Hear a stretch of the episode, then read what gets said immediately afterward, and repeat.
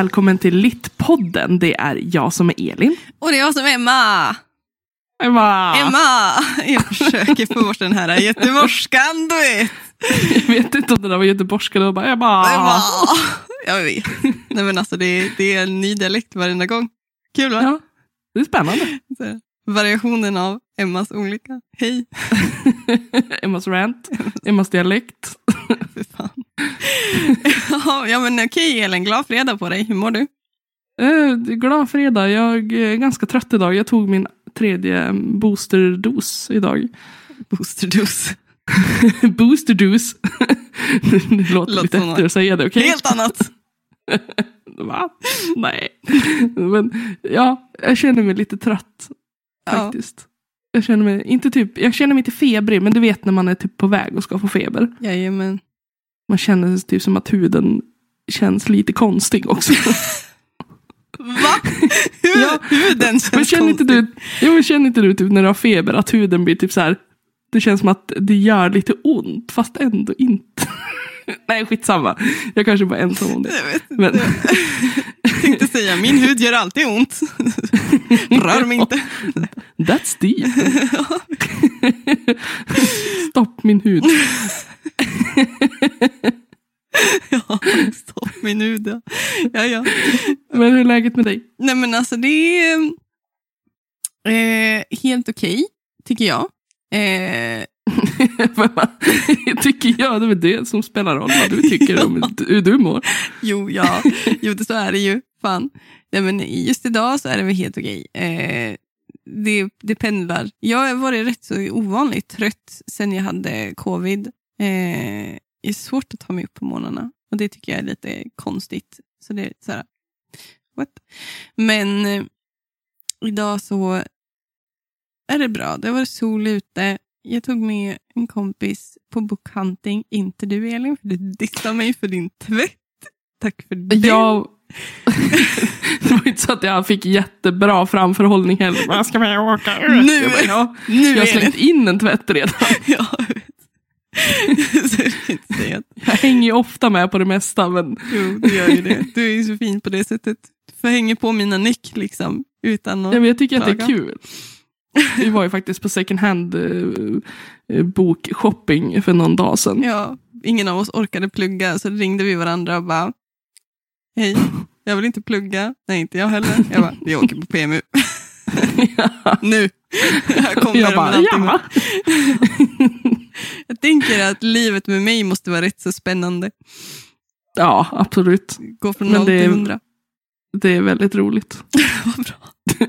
Annars hade jag suttit där och bara lidit i, onödan tänkte jag säga. Alltså jag älskar någonstans den grejen att bland mina kompisar, nu, jag vet inte om det här är skryt eller någonting, jag tycker det är lite skryt för att jag gillar den egenskapen med mig själv, men att de flesta säger att ja, men, det är lite spännande med dig, det skulle vara jävligt mycket tråkigare mina dagar om inte du var min vän här hemma. Ja. Oj, men gud vad hände med min röst? jag tappar rösten för jag blir så hänförd. Min senaste har ju varit det här med att jag nischat in mig på mäns, eh, eh, inte mens som är period, like att ni får mens varje månad. Men män i plural. Män i plural. Eh, deras, eh, jag vill typ ändå komma fram till att jag kommer till något så här, att det är kärleksspråk någonstans. Att det finns, att de lägger ett känslomässigt värde i vissa saker som för oss kvinnor är bara chockerande eller typ vi förstår det inte för vi, har, vi lägger inte känslomässigt värde på samma sätt. Både i kommunikation och i akter, om man säger så. Så att säga. Em, och Det var det superintressant. Det resulterade i bland annat en kreativt öv skrivande övning med en kollega till mig. Eh, där vi skrev om Lord Byron och hans älskarinna Therese, grevinnan Teresa. Teresa, något sånt där. Ja. Eh, och sen så har det ju lett till väldigt många chockerade miner av mina klasskompisar och mina vänner. De bara, Emma varför ställer du såna här otroligt vulgära frågor? Jag bara, för att det är intressant. Ja, alltså. Vi satt ju på Espresso House och du bara, alltså, mm, det här. Och jag bara, typ. Och jag bara, Här no shame, no shame at all. Diskutera olika sorters fenomen när det kommer till kukar. Så att säga. Again, Där kom det. Där kom det. går inte ett enda avsnitt utan... Där kom explicit varningen. Helvete. Som sagt Elin, ditt liv skulle vara så otroligt mycket tråkigare utan mig. Ja, alla avsnitt skulle vara inte vara rankade explicit. Ja, jag vet. Men det är kul. Det är kul. Eh, de som lyssnar förstår säkert. De har varit med förut. Det är ju inte vårt första avsnitt. Så. Nej, det är ju som sagt inte det. Och idag så är det kanske lite roligt att sätta explicit på det här avsnittet. Ja, det är ju lite konstigt kanske. Det kanske inte är någonting man trodde skulle behöva vara explicit. Men jo, ta mig fan. Vi lyckades, Mm. lyckades med det omöjliga. Jajamän, Emma testar gränser ständigt. Ständigt. Men då ska vi bara hoppa in och bara, vad ska vi prata om idag? Ja, idag ska vi prata om en av mina, eh, en av mina eh, husgudar, tänkte jag säga. Eh, vilket är faktiskt inte... Alltså det är självklart, det är ju en av mina husgudar. Inte tänkte säga, det är en av mina husgudar. Eh, vi ska taka om... Eh, taka om... Vad fan händer? Vi ska prata... Svengelskan är så real. Ja, alltså för fan. Vi ska prata om J.R.R. Tolkien, eller närmare bestämt ska vi prata om hans verk Hobbiten, eller The Hobbit, eller eh, Unexpected Journey.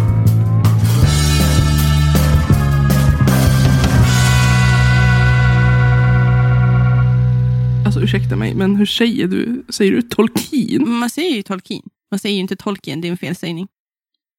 Ja, men det låter bättre. Men det är för att alla säger fel, men man säger Tolkien. Jag faller för grupptrycket och säger Tolkien. Ja, okej. Gör det då.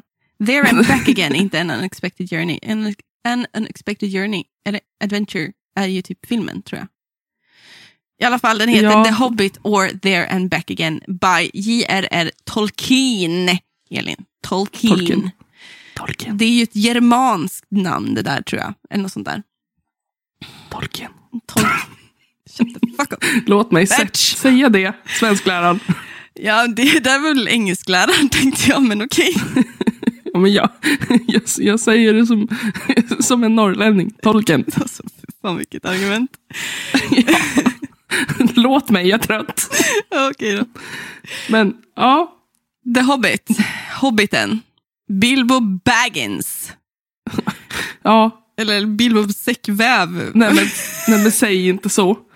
Alltså det, jag har ju jag har lyssnat på den här boken och jag valde att lyssna på den på engelska för jag pallar inte med att den, han heter Bil, Bilbo Säcker. Säcker, är det säcker det var? Inte säckväv. Ja, nej inte Säckväv, men Säcker. Och jag har ju, jag undrar vad han heter. Bilbo Säcker. Ja, Jag har ju den nya utgåvan. alltså det är så fruktansvärt. Va- Varför, varför, översätter, varför översätter man inte bara namnet till alltså, Bilbo Baggins? Baggins kan man väl säga på svenska också. Ja, men det är så märkligt för han heter ju också dvärgen Thorin. Heter ju Ekensköld och det är ju ändå, ja men okej, eh, Oakenshield på engelska. Varför Jo. heter han Bilbo Säcker? Bilbo Säcker om någon vill mobba. Bilbo ligger i säcken. Han säckade ner där han. Är du säker? Är du säker? Är du säker Bilbo Säcker? Han är jättesäker. Nej men alltså, nej. Det, jag tyckte att namnen i den svenska översättningen var så fruktansvärd. Jag bara, nej. Ja. Nej, men jag har faktiskt aldrig riktigt... Eh, Nu eh, har jag läst lite den nya. Jag har kollat in de svenska översättningarna då och då. Eh, men jag har faktiskt inte läst den perm till perm. Eh, någon gång. Jag bara läst den på engelska och lyssnar nu på den på engelska gjorde jag också, vilket var fantastiskt. Jag lyssnade på den för länge, länge sedan, tror jag. Men jag kommer i alla fall ihåg att det är Andy Serkis, han som spelar, eller har rösten till Gollum i filmerna, Mm. som är så här, ljudbokspratare, vad heter det? Ljudröst. Ja, han har läst in boken. Han har läst in boken, precis, så kan man säga också. Ja. Eh, och att han ska vara riktigt duktig. Och nu när jag lyssnar på den lyssna på den 1,7 i fart då, men den var fantastisk. Alltså Ja. fantastisk. Det är den bästa ljudboken efter typ eh, Stephen Frys Harry Potter-serie. Och så. Ja, men gud, jag kan nog fan hålla med. Jag tänkte på det också. För att, jag tror speciellt eh, när man har sett eh, Lord of the Rings och man har sett Ja. eh, Hobbit-filmen Ja. också. Så man, man, man tycker att det känns väldigt speciellt Ja. när Gollum-rösten får vara Gollum-rösten Ja. på riktigt. Man bara, Det är ju någonstans att Gollum blir ju den viktigaste personen både i Hobbiten och i trilogin. ja. Faktiskt, kan jag tycka. För att han bär ju på ringen så otroligt länge. Eh, Mm. Och den som inte vet så mycket om The Hobbit, som kanske har sett filmerna. Filmerna är ju inte särskilt accurate till boken. Jag avskydde dem när de kom. Jag tycker att där var ett fiasko. Sen gillar jag väldigt mycket musiken, sen gillar jag själva stämningen som hela Tolkiens värld ger, eh, även som filmatiserad. Men The Hobbit, Hobbiten handlar i alla fall om Bilbo Säcker, eller Bilbo Baggins. Eh, det här är flera, flera år innan Frodo och Sam och deras resa eh, i Ringens brödraskap. Ehm, Bilbo Baggins är bara på sätt och vis en normal hobbit. Han lever sitt bästa liv som hobbitar gör. Ehm, Alltså Mm. det är ju, det, jag älskar ju liksom första, första kapitlet i den heter ju, vad heter den, Concerning, nej den heter Unexpected Party. Concerning Mm. Hobbits, är det i första Sagan om Ja. ringen? Okej, Men, fuck. och det är väl också en, alltså en låt. Alltså det är ju låten. Eh, om The Shire liksom. Ja, säkert. Låttiteln, för vi hade den som eh, bröllopsmarsch. Alltså när vi gick in i Ah. kyrkan. Nej, vad fina! Ah. Åh, vad gulligt. That's so cute.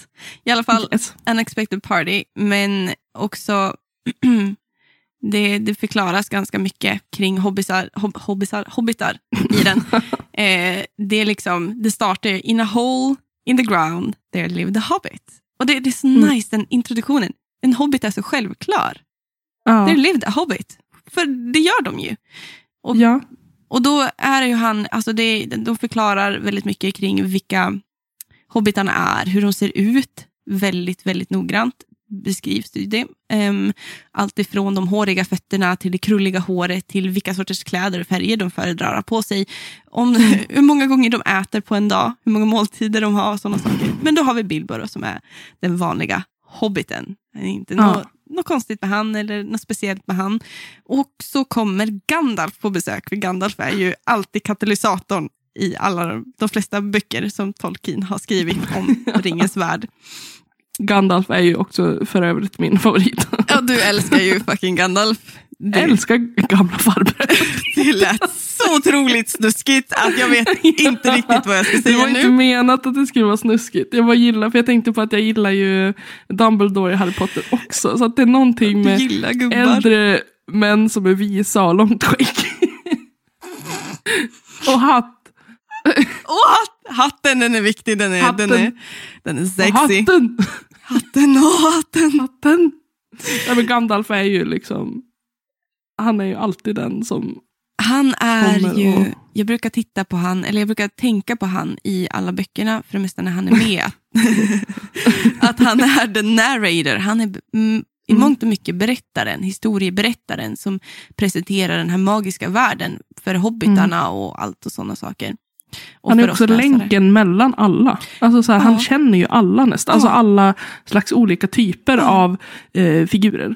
Ja, det är ju samma sak i liksom ring, Sagan om ringen-böckerna, att han är ju den som känner hela varenda person i brödraskapet, mer eller mindre. Mm.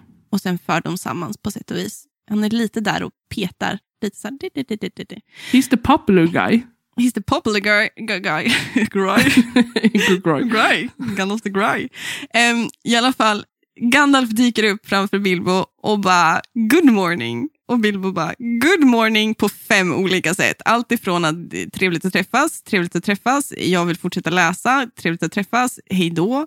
Och allt sådär. Och Gandalf kommenterar det. Du är den första personen som har kunnat säga good morning eller god morgon på typ med olika betydelser. Älskar det. Ja. Älskar det, för det, där får jag ändå så här, den kommentaren, där kommer liksom spö, alltså, lingvistiken i mig liksom bara, ah, du och jag Tolkien.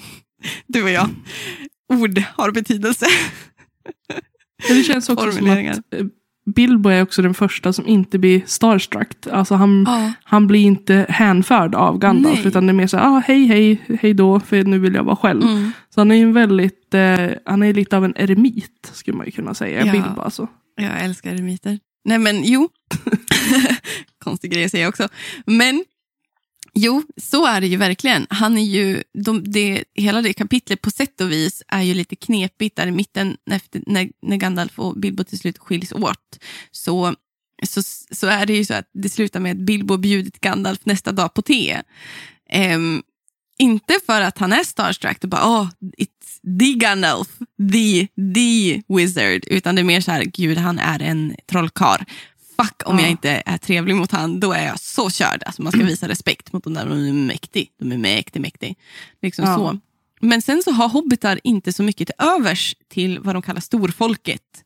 The big folks, alltså de som är, för hobbitar är ju, vad är de? Jag vill säga som De smurfarna, små. tre äpplen De ser, ut höga. som sma- de ser ut som barn. Ja, på sätt och vis. En och, jag lyssnade på eh, Tolkien-podden, förresten. Ett stort poddtips för den som är som mig, en Tolkien-nörd. Eh, men eh, de pratar om att någonstans har Tolkien ändå sagt att de ska vara runt 106 eh, centimeter. Lite över en meter, give and take. Eh, lite så. Som ett barn, precis. Mm. På sätt och vis. Jag Så tror att- till och med att de beskrivs som så i Sagan om ringen, alltså i filmen i alla fall. jo, Eh, eh, de frågar om de har sett, eh, för det är två hobbits som de har tappat bort. ja. Och de frågar några människor, har ni sett de här hobbitsarna? De skulle bara se ut som barn i era ögon. ja, Eh, Och det älskar grej, det här är ju typ några av de få filmatiseringarna som jag fucking älskar. Alltså Sagan om Mm. ringen, filmerna, de är ju inte alls egentligen jättetrogna böckerna, men de är, har fått med de här absolut viktigaste detaljerna. De får med det så snyggt.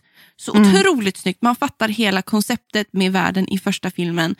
Och sen så bara kör de på. De bara köttar på genom det här magnifika världsskapandet som Tolkien har gjort i sina böcker. mm. Jag tycker det är fantastiskt. Men Hobbiten i alla fall. Eh, och där någonstans när Bilbo har bjudit in Gandalf på te dagen efter så dyker ju det här unexpected party. Ett oväntat Mm. sällskap upp. Och då är det ju Thorin Oakenshields eh, Torin Ekenskölds hela dvärggäng som kommer och stökar till det. Och det är ju min absoluta eh, favoritsång eller vers i, i, från Hobbiten till Sagan om ringen. I Sagan om ringen älskar jag ju Striders Riddle, men i Hobbiten älskar jag just den här eh, när de slänger gaff i filmen är det också att de slänger ju gafflar. Kantstötta Mm. glas och tallrikskras, slöa knivar och vriden sked. Det får Bilbo säcker, knas, pang. Panga alla buteljer med. Alltså den är så jävla härlig att läsa och lyssna. Och jag älskade att lyssna på den också när Andy Serkis, Serkis eh, läste upp den. För han sjunger ju liksom lite liksom i, Mm. ja men det är liksom lite melodi där ändå. Ja, nice. alltså jag, jag tyckte om den scenen också i filmen. ja. För att man ser paniken i Bilbos eh, ögon, liksom att de stökar bara ner. Fast de tappar ju inte så mycket. Nej. I filmen i alla fall. Utan det är bara det att de retas med honom. Ja, exakt. De vill ju bara liksom, eh, ja, skoja lite på hans bekostnad någonstans i att han liksom att han ändå är så här, han har bjudit in till kalas, vilket han tekniskt sett inte hade gjort egentligen. så får han panik över att de äter upp all mat och att de, de, de bump the knives och sådana saker. Och jag alltså, kan inte låta bli, för jag tyckte de, det var bra med första Hobbit-filmen. De fick ju till ändå väldigt bra den här låten när de gjorde den låt. Och det var liksom, jag vet inte, det, jag kan inte låta bli att sjunga mer där. Shoot the glasses, crack the plates, blunt the knives and bend the forks. That's what Bilbo Baggins hate. Smash the bottles and burn the corks. Alltså man kan inte låta bli. Och jag bara Nej, här, och det sätter också lite stämningen för hur de behandlar honom i resten av Ah. hela boken. exakt. För att stackars Bilbo. Alltså, han, alltså, han, hade in, han gick inte med på det här någonstans. Nej, inte jag heller. Alltså jag tycker så synd om honom. De, alltså, han blir så utnyttjad. Så, ja, gud. så taskiga mot honom ibland. Ja, de är ju verkligen fram tills... För då, han går ju till slut med på att följa med det här gänget. För det här, Thorin Oakenshield är ju the king under the mountain. Han ska ju gå och köra bort draken Smaug som har tagit över hans hem. För Mm. flera, flera, och deras flera, skatter. precis deras skatter, deras, flera, flera generationer bak eh, i tiden och så. Eh, inte flera generationer, men flera år. Och Bilbo hänger med för att de behöver ju en inbrottstjuv. Mm, a burglar. A burglar, yes. Och då tyckte ju Gandalf, som gillar att stir up the pot, eh, att eh, ja, men en hobbit, de smyger ju jävligt bra omkring. Så att vi väljer Buggins för att de ändå...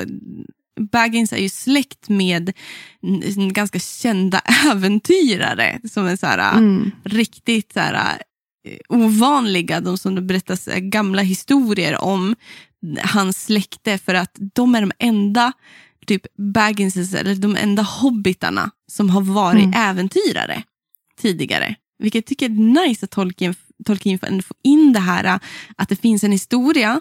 Han berättar historien fast i, i, då, i dåtiden. Liksom. Mm. Så att läsaren får en uppfattning om, men självklart, självklart, ja men jag håller med. Bilbo var rätt person att välja. Han tillhör ju den här historien. Det är så snyggt skrivet, jag älskar det. Ja, det, det känns som att och Gandalf är ju någon som man inte tvivlar på heller. Nej. Vad han säger känns ju rätt för att han är mest den visaste. Ja, och det där är ju, tycker jag är otroligt spännande någonstans. För att när man introduceras till trollkarlarna i, i Tolkiens värld så vet, eh, då vet man ju av Gandalf och så vet man av eh, Sauroman. Och eh, även i, i boken eh, Hobbiten så är man ju Radagast the Brown och så nämns ju tvillingarna och så vidare. Mm. Ehm, och de där är ju på sätt och vis lite, de kommer ju till, tol- till Midgård. Det här är ju från Silmarillion dock. Eh, så, och den är ju en efterkreation eh, efter både trilogin och Hobbiten. Men Mm. eh, de är ju, inte om de är valarna eller maurin, maurina. Alltså de kommer ju som någon sorts änglar, eller de kommer som någon sorts väsenaktigt, någonting som Gud har gett del av sin makt, alltså den store guden som skapat hela Midgård och så vidare. För att han skapar ju en hel mytologi, Tolkien. Eh, Ja, och, ett helt spr- alltså flera språk också. ja, ja, men gud, han är ju lingvistiker i grund och botten och eh, forsk- han forskade ju eh, via Oxford på nordisk mytologi eh, faktiskt. Mm. Men i alla fall så, eh, så, så är ju de här valarna, när de kommer, eller inte valarna, men Gandalf och hans trollkarlsvänner, de är ju som lite, man måste tro på vad de säger, för de är ju goda. De vill ju Mm. det bästa, de skickades hit för det bästa av Midgård och sådana saker. Och det är inte förrän i trilogin som man fattar att okej, de är inte impeccable. För att Sauron Nej. blir ju ond Mm. faktiskt. Så när man går igenom hela Hobbiten så är det ju så här, Gandalfs ord är lag. Hans Mm. visdom är den ultimata visdomen. Och jag gillar det, för att det sätter också stämpeln för att det här är en barnbok. En Ja. familjebok, tycker jag. Ja, och jag kan också tycka att den här skiljer sig också från till exempel första Sagan om ringen-boken. Eh, Ja. Härskaringen.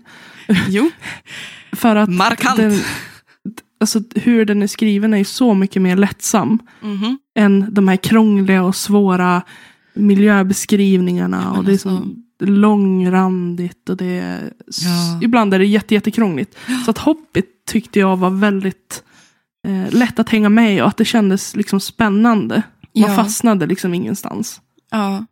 Jag har ju som för mig någonstans att jag har hört i någon av mina så här, alla lyssna på poddar och kolla på Youtube om Tolkien och tolkningar och, han, och hans anteckningar och brev och så vidare. Att Mm. han, han berättade den här hobbiten först muntligt för sina barn.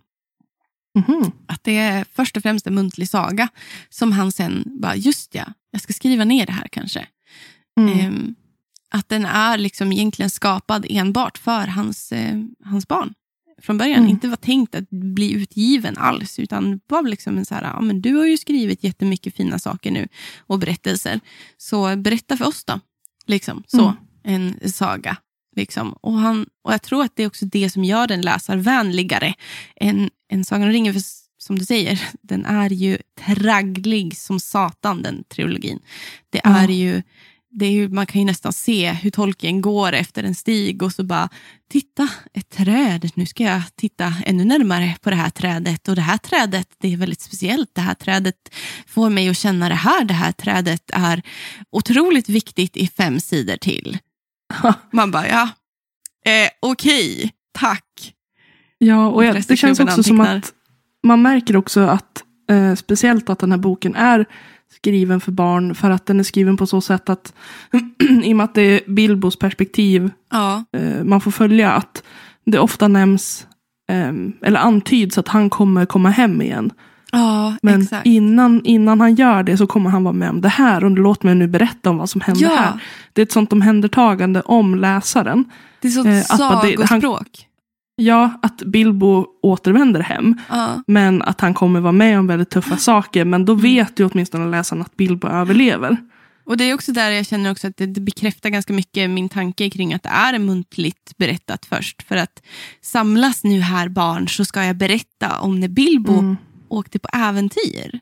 Alltså det Mm. blir väldigt här, nu har vi varit inne i skolan, på universitetet har vi gjort en eh, fördjupad romanstudie om Selma Lagerlöf. Hon är ju så här beskriven som sagotanten i Värmland, ni vet. Mm. Ehm, och hon har också samma språk.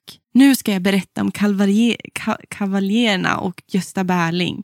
Jag ska Mm. berätta om den, den obotlige romantiken och så vidare. och Så vidare. Mm. Så det är liksom samma sätt att berätta fast liksom någonstans så är det också det jag är imponerad av när det kommer till den här Mm. boken. Det är att det aldrig är dumförklarande som många gånger barnböcker kan vara från den här tiden eller liksom från äldre verk eller klassiska verk som är för barn. Det är Mm. aldrig någonstans den här grejen att att man inte tar upp svåra och mörka ämnen. Det är död, det är girighet, det är mörker. Det är, men det är skojigt och skämtsamt på samma gång. Liksom. Mm. Och det är väl det som är som, jag vet inte, jag, jag tror att det är därför den också på sätt och vis känns ganska modern fortfarande. Hobbiten känns ju mycket, mycket mer modern än vad, än vad Sagan om ringen gör. Kan jag Mm. tycka. Och Mm. Silmarillion. Ja, alltså den har ju... Den här är ju skriven, den gavs ut 1937. Ja. Eh, och jag satt och funderade lite över det. För att det känns som att den här hade ju lika gärna kunnat skrivits nu. Mm. För att visst att språket är väldigt speciellt. Jo. Men det är ju ingenting som rör våran värld. Det är inga influenser av våran värld. För jag Nej. tänker att det här var ju i närheten av när andra världskriget Mm. var liksom eh, precis i början där. Och Mm. jag tänker att nej, det här hade ju kunnat skrivits nu lika gärna. Mm. Ja, och den skrevs ju också kanske någonstans, i alla fall Hobbiten någonstans, så vart det ju en väldans boom för den, tror jag. Det här kan jag hitta på också, kände jag nu när jag sa det högt. Jag för mig, när jag, ja, men jag tror att det någonstans också var en tanke varför den här har hållit så länge. Att där efter första världskriget så liksom var det många som behövde hantera det. Precis som författaren till Nalle. Han behövde ju också, eh, han skrev ju om Nalle Puh, om sin son och hans gosedjur för att hantera sin PTSD efter, eller det hette inte PTSD då, men hans trauman efter första världskriget. Mm.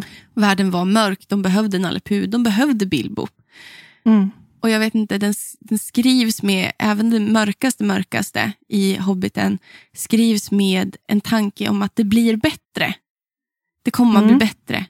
Det goda vinner alltid. Men det är inte alltid lätt att vara god heller. Nej, och jag tänker precis som de flesta barnböcker eller barnlitteratur på den tiden skulle ju också alltid ha en sensmoral. Ja. Eh, vilket den här också har flera olika. Alltså, Den Ja, trycker ju på till exempel det här med girighet. För att någonting jag funderade väldigt mycket på var att jag satt och var jätte, i slutet i alla fall, Mm. både i filmen och i boken, ja. att Torin blir så jävla elak. Han blir, han, men han, han faller ju för girigheten. ja. För maktens lockelse och skattens lockelse. Mm. Och då tänker jag att sensmoralen där att även en, en god person ja. som i botten är god kan Mm. falla för eh, det mörker som är pengar eller Ja. girighet. Mm. Och också kring det här med död och liv. liksom. Mm. Fine, nu dödar ju Bilbo spindlarna i, i Mirkwood. I den mörka skogen. Jag vet inte vad den heter på svenska. Eh, det är ett par onda spindlar där. Ni som har sett filmen har sett, ni vet vad det handlar om. Eh, när han döper Mm. sitt svärd också, Sting. Som han hittar Ja. i, i bergtrollens grotta. Ehm, och, men han skonar ju Gollum. Ja. Och det där tycker jag, det tar mig alltid alltså väldigt mycket. Alltså jag tror att jag läste den första gången jag var 12. Eh, och jag vet att jag, det var typ en av de så här, det, det gav, it had an impact on me. Eh, just den delen. Att trots att Gollum tänker sig, Gollum är bara ute efter att döda Bilbo på sätt och vis. Han försöker bara hitta Mm. sätt att döda Bilbo på det, på det mest bästa sättet och på det mest tillfredsställande sättet. Även fast han kanske känner sig lite ensam och tycker det är lite kul med den här frågan. För de har ju som en gåtlek någonstans. Som Bilbo till slut vinner. Och gör Gollum förbannad kring. Ehm, men att Bilbo väljer att skona någon som är... För när, det vi får veta om Gollum är ju att han är helt igenom ond. Han är Mm. ett vidrigt, en vidrig varelse, en förtvistad eh, version av en hobbit. Han är, han, är, han är vriden, snedvriden av den onda ringen. Då, för att Gollum håller ju på, efter Isildurs fall, hittar ju Gollum eh, ringen när han heter Smeagol. Han dödar ju sin kompis. Han var inte, de var kanske inte de bästa hobbitarna, eller versionerna av hobbitarna innan han blev förtvistad heller, har jag fattat det Mm. som. Men han blir ju uppvriden till tusen mycket ondare och förtvistad eh, när, han, när han väl har ringen i sin ägo. Och Bilbo har verkligen på sätt och vis all, all, all, all anledning att köra, alltså härja han totalt. Mm. Det, är liksom, det är det vi får veta i den här storyn. Mm. Man får ju veta mer om, om Smeagol och om Gollum i Sagan om ringen-trilogin. Men det vi får Mm. veta är att Gollum är värd att han förtjänar att dö. På någon, Det är som att Gollum är ett rovdjur. Alltså det är som att en annan skulle möta en tiger. Ja, Säger vi. Ute, det, då skulle det vara legitimt att eh, det är du eller tigern. ja, exakt. Men Bilbo skonar den här, äh, tvistade liksom, eh, versionen av en hobbit. Mycket Mm. också för att han känner en sympati och empati för den här äh, Gollum och för att han he feels he felt pity for him. Mm. Och på ett hörn någonstans en, en, en, en tunn, tunn kärlek till den här hobbiten läs, läser jag in också. Läste jag in Mm. nu eff- med min bakgrund att den hade så stark, gav mig en så stark känsla när jag var ung. Liksom. Ja. Och Det får man ju veta sen också både i filmerna av Sagan om ringen och i trilogin att det är också vad som gör att Bilbo själv inte blir en Gollum-version.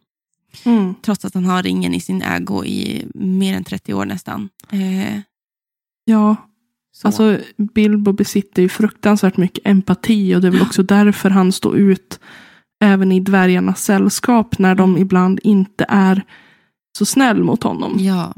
De är inte medvetet taskig tror jag, utan det är mera, Men alltså dvärgar är sätt. översittare på sätt och Ja. vis. det är deras sätt att vara och att de också är väldigt rädd. Ja. Så de utnyttjar ju eh, Bilbo för att de är rädda för liksom Smaug eller Mm. för situationen. Och Mm. Oavsett hur många gånger Bilbo än har räddat dem Mm. eller liksom har gjort något bra Mm. så är det alltid väldigt lätt till hands att eh, tvivla på honom. Mhm. För att, också för att han är en hobbit. ja, men precis. De ser inte potentialen i han. Nej. Liksom. Och det för också, också för att jag tror att hobbitar och dvärgar har ju en helt annan syn på, på rikedom och makt. Eh, Ja. i hobbitar ser ju en rikedom i, i, i liksom hobbithålan någonstans. Du har mycket mat, du har väldigt mysigt, du är väldigt gemytligt, du är väldigt trevlig, du är en trevlig person, du bjuder på mycket fester, du har mycket vänner. Där är det som en rikedom som beskrivs där. Nu är ju Mm. Bilbo Baggins också rik rent materialistiskt. Men medans dvärgars rikedom beskrivs som väldigt kall och väldigt fokuserad på guld och magnitud. Ja, diamanter och olika typer. Och, ja. Ja, och att det också eh, bidrar till den här girigheten. ja, Att det ska inte ens användas, det ska samlas på hög. För att det, Exakt. det gör att jag får mer makt. Mm. Och Det där var så intressant när jag lyssnade på Tolkien-podden. Så, så pratade de faktiskt om det här concerning hobbits eh, och menade på att en, när en hobbit fyller år så ska en hobbit, den som fyller år, ska också ge presenter. Mm. Alltså, och sen så får, ska de ju också få presenter. Att Tolkien hade fått en fråga av en läsare. Bara, Hur funkar det där nu då? Då hade Tolkien bara gjort världens story om hobbitars födelsedagar. Och då liksom någonstans att det grundar sig i att en hobbit ska vara det här, den ska tänka på sin näste. Någonstans. Ja. Nästan så det blir lite knäppt. Jo, Men och lite också är det väl att de också vill bräcka varandra lite grann. Ja, alltså det är väl det är också en så här inbördes så här att man vill vara bäst på att ge bort grejer. man var den trevligaste, bästa kompisen på jorden. Men det är en bra tävling att vara den trevligaste Ja. Men det är också väldigt jobbigt. Tänk om ha, alltså alla, tänk att vara en kompis, ett kompisgäng. Och det är inte, jag ger inte dig en present för att jag genuint tycker att den här presenten är bra för dig. Nej. Utan jag har valt den för att det gör att jag känner mig som den bästa av oss. Mm. Det är ju också, tycker jag, lite problematiskt. Jag skulle ju inte orka vara vän med en sån person. Det liksom Men- blir en indoktrinering hos kanske barnhobbitarna att vara, ni ska ge presenter till era föräldrar också när ni fyller år. Liksom, ta inte för givet. Ja. Liksom. Nej men precis. Eh, Men det, gör, det bidrar också till de här speciella karaktärerna. Ja, Det gör ju karaktärerna så mycket mer levande. De här små detaljerna. ja, verkligen. verkligen. Jag tycker att det bara vecklar ut sig och vecklar ut sig. För varje gång jag läser Hobbiten, alltså jag har läst den alldeles för många gånger, men alltså för att vara sane. Men den är ju, den vecklar ut sig och vecklar ut sig och vecklar ut sig. Och särskilt jag som en språknörd, alltså jag älskar det. Jag älskar det, hur han leker. Han är så kaxig. Han är så djävulska kaxig i språk. Det kommer du märka sen i Silmarillion när du väl tar dig an den. att han verkligen leker med språk och språkhistoria och språk kopplat till mytologi och kulturhistoria och idéhistoria. Det är liksom så mycket. Den här människan, han var liksom inte bara nörd, han var on another level. liksom. Ja. Och ni hör ju mig, jag är så exalterad, jag pratar så mycket för att jag, alltså, jag älskar, älskar Tolkiens värld. Jag håller med, det är traggliga böcker. Men alltså när, alltså, alltså jag är, oh, Jesus fucking Christ alltså. Jag Amazing. älskar ju jag älskar ju verkligen eh, de andra dvärgarnas namn också. Jag tycker att de är så himla roliga. Glowin, Doin. Ja, det? Eh, Jag skrev upp dem till med. Dvalin, Balin, Kili, Fili, Dorin, Nori, Ori, Gloin, Bifur, Boffer och Bomber. Alltså, Jag kan inte låta Bomber. bli att tänka på Babblarna nu. Alltså, och Bomber. Bombur är ju Den stackars lilla tjocka dvärgen. Ja, Som måste, alltså han får alltid vara sist. För att han, ingen som... han, kan inte, oj. han bara ramlar som första scenen man vet att Bombur ramlade över Torin Åkenskild och det var inte någonting som gjorde Torin glad. Nej, och så var det någon gång eh, eh, Bomber, eh, de var inne i den här skogen med spindlarna Ja. och han eh, hamnade typ i en dvala. Ja, Eh, en förtrollad dvala. Så Oh. att de måste bära honom i flera dagar. och de är Och så, de är så plågade. arga, de är så irriterade. Han kan hjälpa det, det är inte hans Nej, han, fel. han ligger där och är jättenöjd. Och så vaknar han upp och önskar att han kunde somna om för att hans dröm han hade haft under tiden var så fantastisk. Och klagar över att han vill sova och de är så arg på honom. Och jag får säga, jag förstår dig. I understand you. He's so precious. He's so precious. Verkligen, verkligen. Jag gillar ju väldigt mycket eh, Dvalin, är ju den visa eh, dvärgen. Mm. Han är väldigt söt också i filmatiseringen. Jo, Med sin lilla hörlursgrej. Det är som ser ut som en, ett horn som ja, man sätter mot örat för att han ska kunna höra. ja. Och någonstans med Dvalin tror jag, för mig i alla fall, är det för att han är en, nästan den enda av, i alla fall i böckerna, som är sympatisk. och Ja. empatisk towards the hobbit, men också kring an, alltså liksom hur man funderar kring saker. Sen kan han falla för grupptrycket och sådana saker, men han är väldigt så här förstående, särskilt när de kommer liksom till sjöfolket så säger han någonting, och gud, jag har inte markerat alls, men jag reagerar på det. Ah, fuck. Jag hittar det inte nu. I alla Nej. fall, han är väldigt, han är väldigt, väldigt gemytlig. Han känns som en dvärgversion av Gandalf på många sätt och vis, tycker jag. Ja. Och som en farfar till dem allihopa. Extra Mm. pappa på sätt och vis. Och jag tycker att han är, det liksom, han är länken som gör dvärgarna, hela gänget, mer lättare att sympatisera med. Helt enkelt. ja. Verkligen. Jo, för att de andra är ju väldigt drivna av.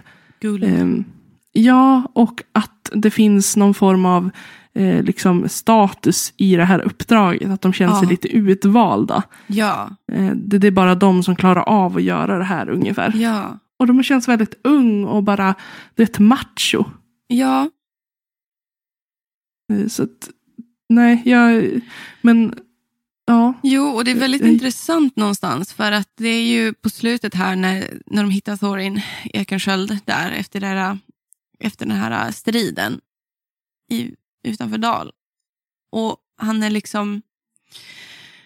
Jag vet inte. Jag känner någonstans att grejen med när de har den här statusen i att vara det här gänget som ska på ett äventyr, de ska driva bort draken, de ska få sin, sin rätt liksom rätt. Det ska vara rättvist. De är Mm. väldigt hämnddrivna kan jag tycka också. Mm. Någonstans.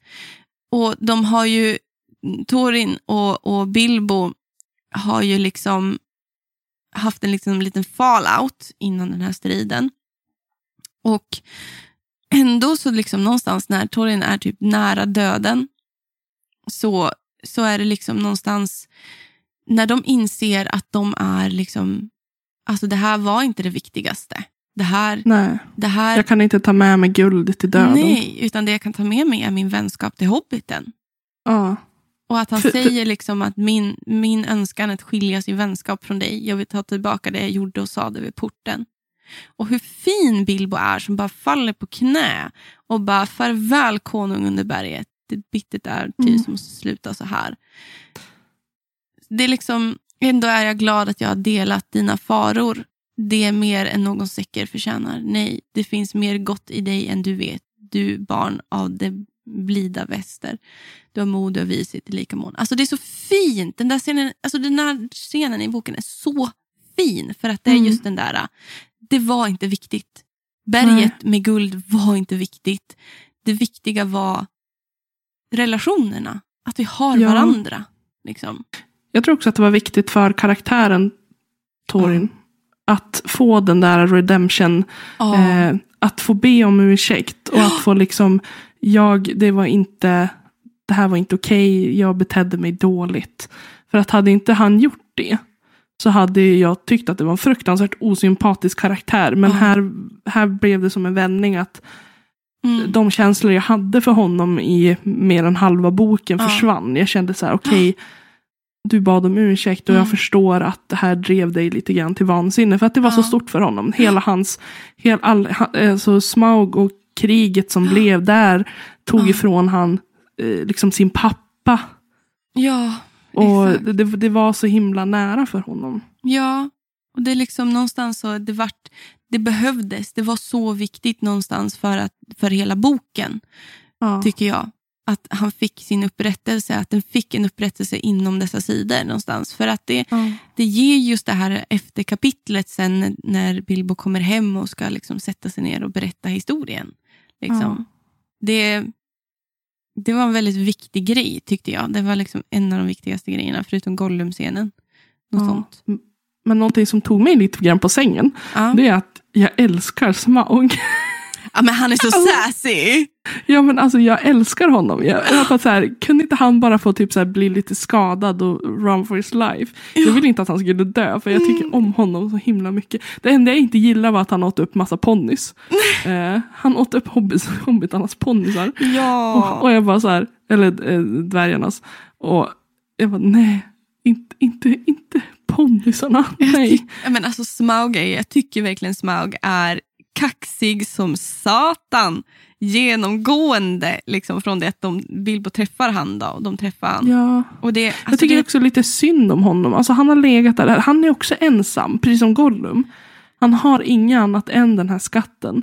Och han har liksom legat och vilat och liksom vaktat den här skatten. Och så bara kommer de och tar den ifrån. Alltså så här, han tog den från första början. Ja, han är ju Han ond. mördade ju typ alla också. Ja, men han, han är ju en drake. Alltså, Det är ju det han gör! Vad förväntar Ja. de sig? Samlar de på sig guld så kommer ju draken dit. alltså, ja, jag tänker man kan kunde ha fått lite i alla fall. Jag tror inte han hade nöjt sig med lite dock. Nej, men åh. Men jo, jag håller med dig om att Smaug, även fast han är inte med alls mycket, han beskrivs Nej. ju mest genomgående i boken. Han är ju han är ju inte en aktiv karaktär så jättemånga sidor. Men på de här små dialogerna med han, Ja. alltså han är så vass. Han Ja. är så vass och han är så smart, han är så klurig. Han är ändå så här, bara allt det här från, liksom, från eh, vad heter det, eh, tunnelrider, alltså tunnelryttare. Han bara Ja. kopplar det direkt till liksom Dal, till sjöfolket och bara, han är ju snabb att agera som satan. Och bara kugghjulen bara, "Åh, no, men de, de kommer nu, nu ska de ta och då, och då ja, men det är de som får skicka det här och det, ja, men det är bara, fan, fan jag drar dit och bränner skiten. Ja, men också så här, han beskriver sig själv som, mäk alltså, så mäktigt för att han bara, mina tänder är som svärd och mina klor är Ah. som, eh, jag minns inte vad de sa, typ så här, eh, typ eh, pilar eller vad fan han sa. Och så Ja. min svans när den slår så är det som åskslag. Ja. Alltså man, man bara, alltså jag skulle bara falla på knä framför honom. Åh, Smaug min gud. Och, det ser- ja, och samtidigt, alltså han dyrkar ju sig själv, märker du inte det? Ja! Det är när han försöker bränna ner Bilbo. Han bara, skratta aldrig åt en levande drake Bilbo din dåre, sade han sig. Och det blev han, en av hans favoritrepliker efteråt, sendera ett ordstäv. Du är långt ifrån klar med det, men till den till den. Nej, det var inte Smaug som sa det, det var ju Bilbo väl? ja Det, men, var, det var Bilbo som sa det själv. men det var ju Tack. en gång också Bilbo försökte reta upp honom genom att kalla honom för mask. Ja! Savage! Ja, och jag bara, Savage. oh du lever verkligen på... Burn! Alltså, Literally. Burn! kanske inte ska kalla en jättestor drake som kan bränna ner dig för mask. Eh, finns kanske bättre sätt att hantera den här situationen på. Ja.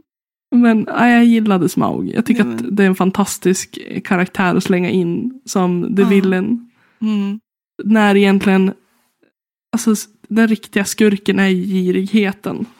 Ja. För även Smaug blir drabbad av den. Ja, det är ju liksom, hans mm, hjärta beskrivs ju vara elakt och lömskt.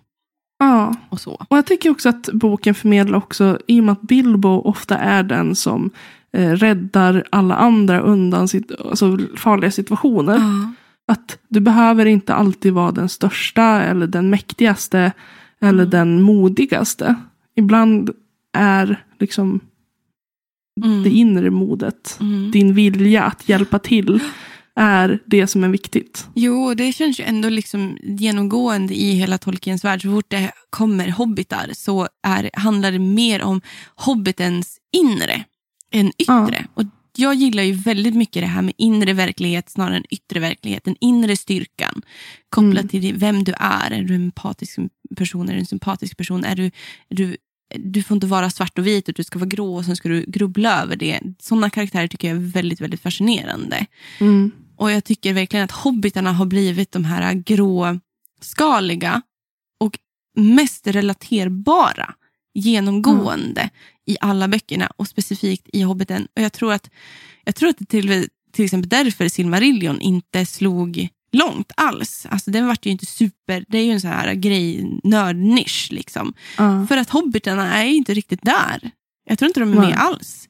Medan liksom, hobbitarna blir ju de vi upptäcker världen tillsammans med och är förundrad och misslyckas för att det är en helt ny fucking värld. Hur fan ska man lyckas i en värld man inte fattar konceptet av? Liksom. Mm. Och hela tiden överväldigad och hela tiden rädda liksom, på sätt och vis. Vilket är jätterimligt, för de är inte fega. Utan de Nej. är rädda. Som man kan Ja. relatera till. Liksom. Jag tycker det är Jo. fantastiskt. För att ibland måste man göra saker fast man är rädd. Ja, Det betyder Exakt. inte liksom att, det, alltså att ens vinst blir mindre värd. nej. Utan det visar bara på att det finns ett djup hos dig. Att du är också, eh, nu kan man ju inte säga mänsklig för de här är ju inte Nej. mänskliga varelser. Men du förstår vad jag menar. Ja. Att det är en del av vad vi är bara. Att vara på Vi är ett jorden. register av känslor. Jag älskar Bilbo som har peptalk. Ja. Han är rädd för draken. Han bara, det är lugnt, det är lugnt. Draken är trött. Mors, morska upp dig nu Bilbo. Man bara, ja, morska upp dig. Jag hade också varit Ja. gått på att kissa på mig Du kommer snart bli ett kebabspett, men ja. Men ja, vi förstår.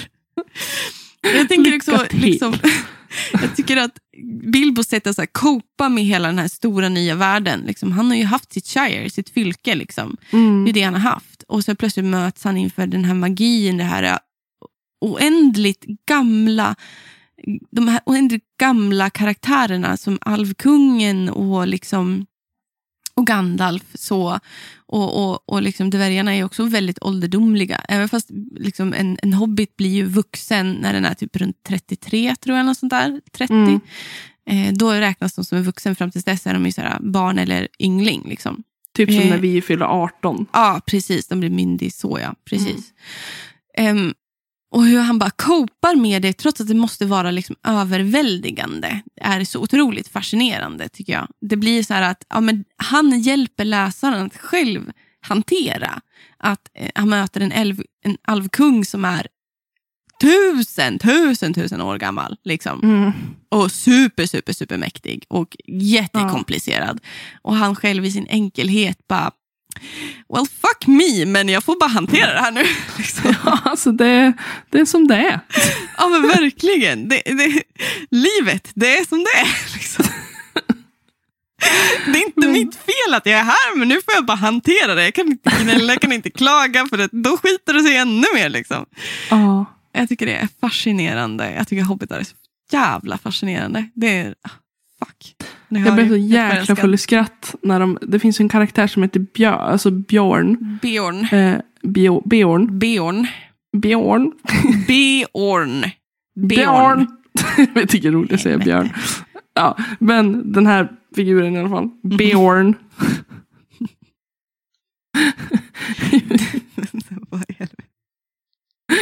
Eh, eh, dvärgarna och Gandalf och eh, Bilbo ska ju hälsa på honom för att de behöver söka skydd Mhm. någonstans. Mm.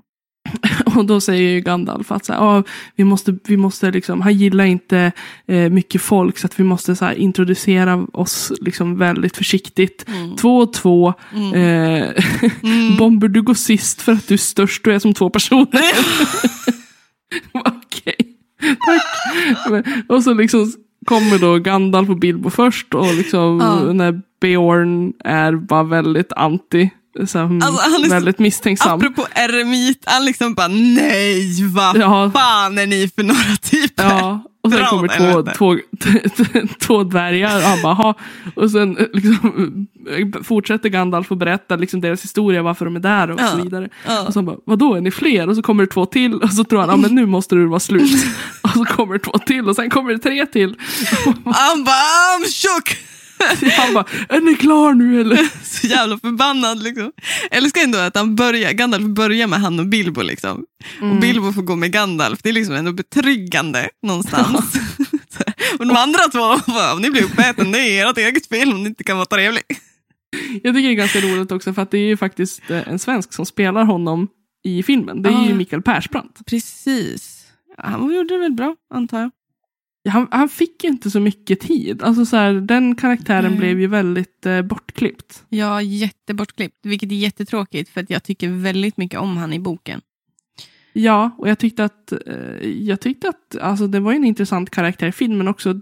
Karaktären fick bara inte liksom, blomstra lika mycket som man kanske hade velat. Nej, exakt. exakt. Men, men jag, nu när efter jag har läst boken Mm. så kan jag ju tycka att filmerna är sämre än vad jag tyckte från början. För jag såg ju filmerna först. Jo, du har ju verkligen gillat dem.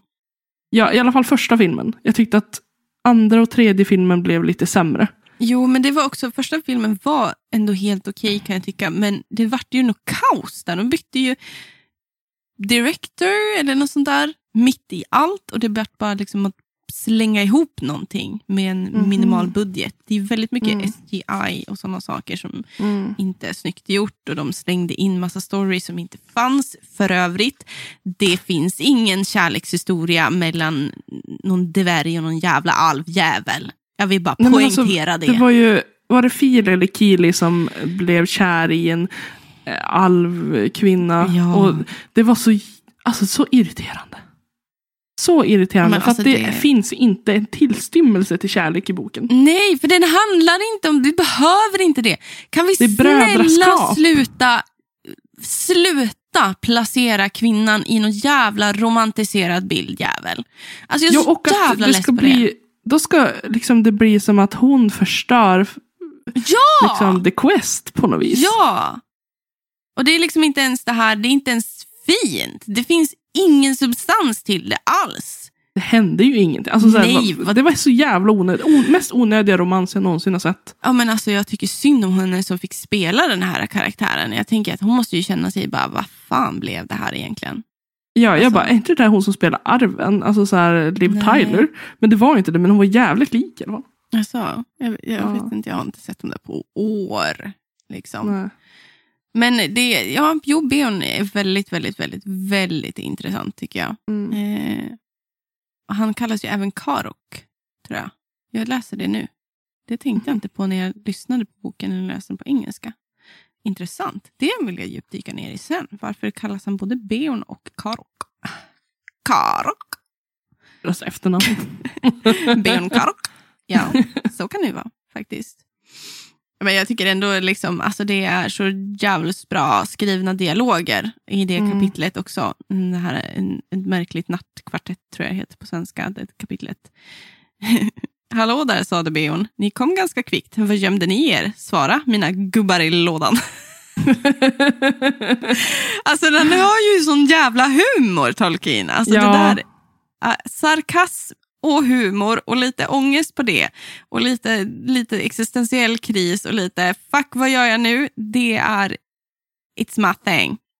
Ja, nej men alltså jag rekommenderar verkligen att läsa den eller lyssna på den. Och om ni vill lyssna på den så om ni, om ni känner att ni klarar av att lyssna på engelska så lyssna på Andy Serkis för att den Ah. är fantastisk. Det är jävligt bra ljudbok faktiskt. Ni, ni kommer inte ångra er. Och det gör Nej. ingenting att, alltså tycker ni att den är lång, så, för jag lyssnade på 1,6 hastighet. Mm, det gör här- ingenting. Liksom. Nej, det gör ingenting. Så, för jag gjorde det för att jag hade lite tidspress. Ja. Så att, men det gör ingenting om ni ökar i hastighet för att eh, man får liksom med det här. Ja. Eh, det blir inte konstigt på något sätt. Han är det duktig på att artikulera så man hör vad han säger. Fan, Ja, faktiskt. Och jag kan Så nästan säga att jag, jag är lite och nosar på om jag tycker ljudboken är bättre än boken. För att jag bara... Det bara var, för att det är han. Ja, men för att det är han. Alltså jag vet inte, jag är helt av det. Alltså, Ja. Sjukt att jag inte har lyssnat på... Jag önskar att han spelade in Sagan om ringen eh, böckerna också. Ja, Faktiskt. du får skriva till han. Ja, men alltså, podden. please, kan, du, please. kan du? We beg of you, we beg of you, sir. Ja, nej men alltså wow, wow.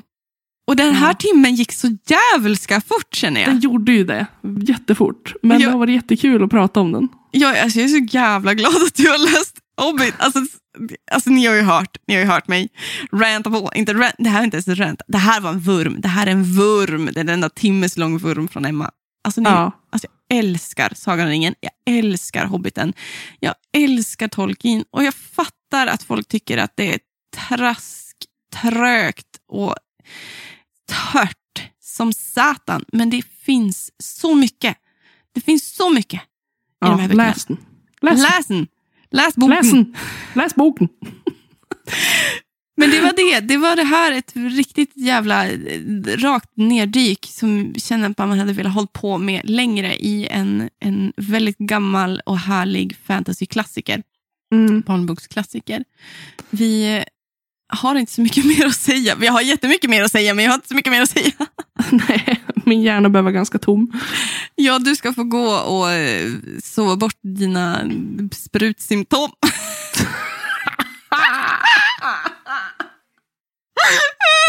Varför? Du... Mina am so föräldrar lyssnar på det här.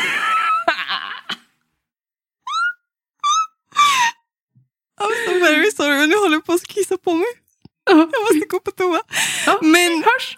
hörni, tack så förbannat jävla mycket att ni fortsätter lyssna på vår podd och höra våra sjuka snack och sjuka Ja. skämt. Vi är från djupet av våra hjärtan så glada och tacksamma att ni också är så fina lyssnare och prata med oss på våra sociala medier. Fortsätt göra Ja. det, vi blir jätteglada. Ja, Skicka in vi- frågor och skriv till oss och, och så vidare så blir vi överlyckliga. Vi älskar det här, det här är fantastiskt. We love you. I love you! ja, nej, så långt skulle jag inte vilja... Nej, jag. Jo, vi tycker om er väldigt, väldigt, väldigt mycket. så är det ju. Ja, okej. Okej hörni, vi hörs nästa avsnitt. Ha det bra. Vi Ha det hörs. bra.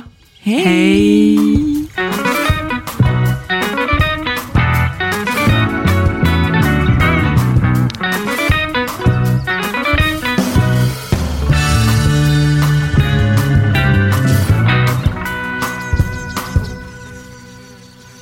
Har lyssnat på Littpodden med Elin Oslin och mig, Emma Granholm. Musik och klipp av Magnus Kjellson och Robert Granholm. Management av Ida Berglund. Tack hörni för att ni har lyssnat.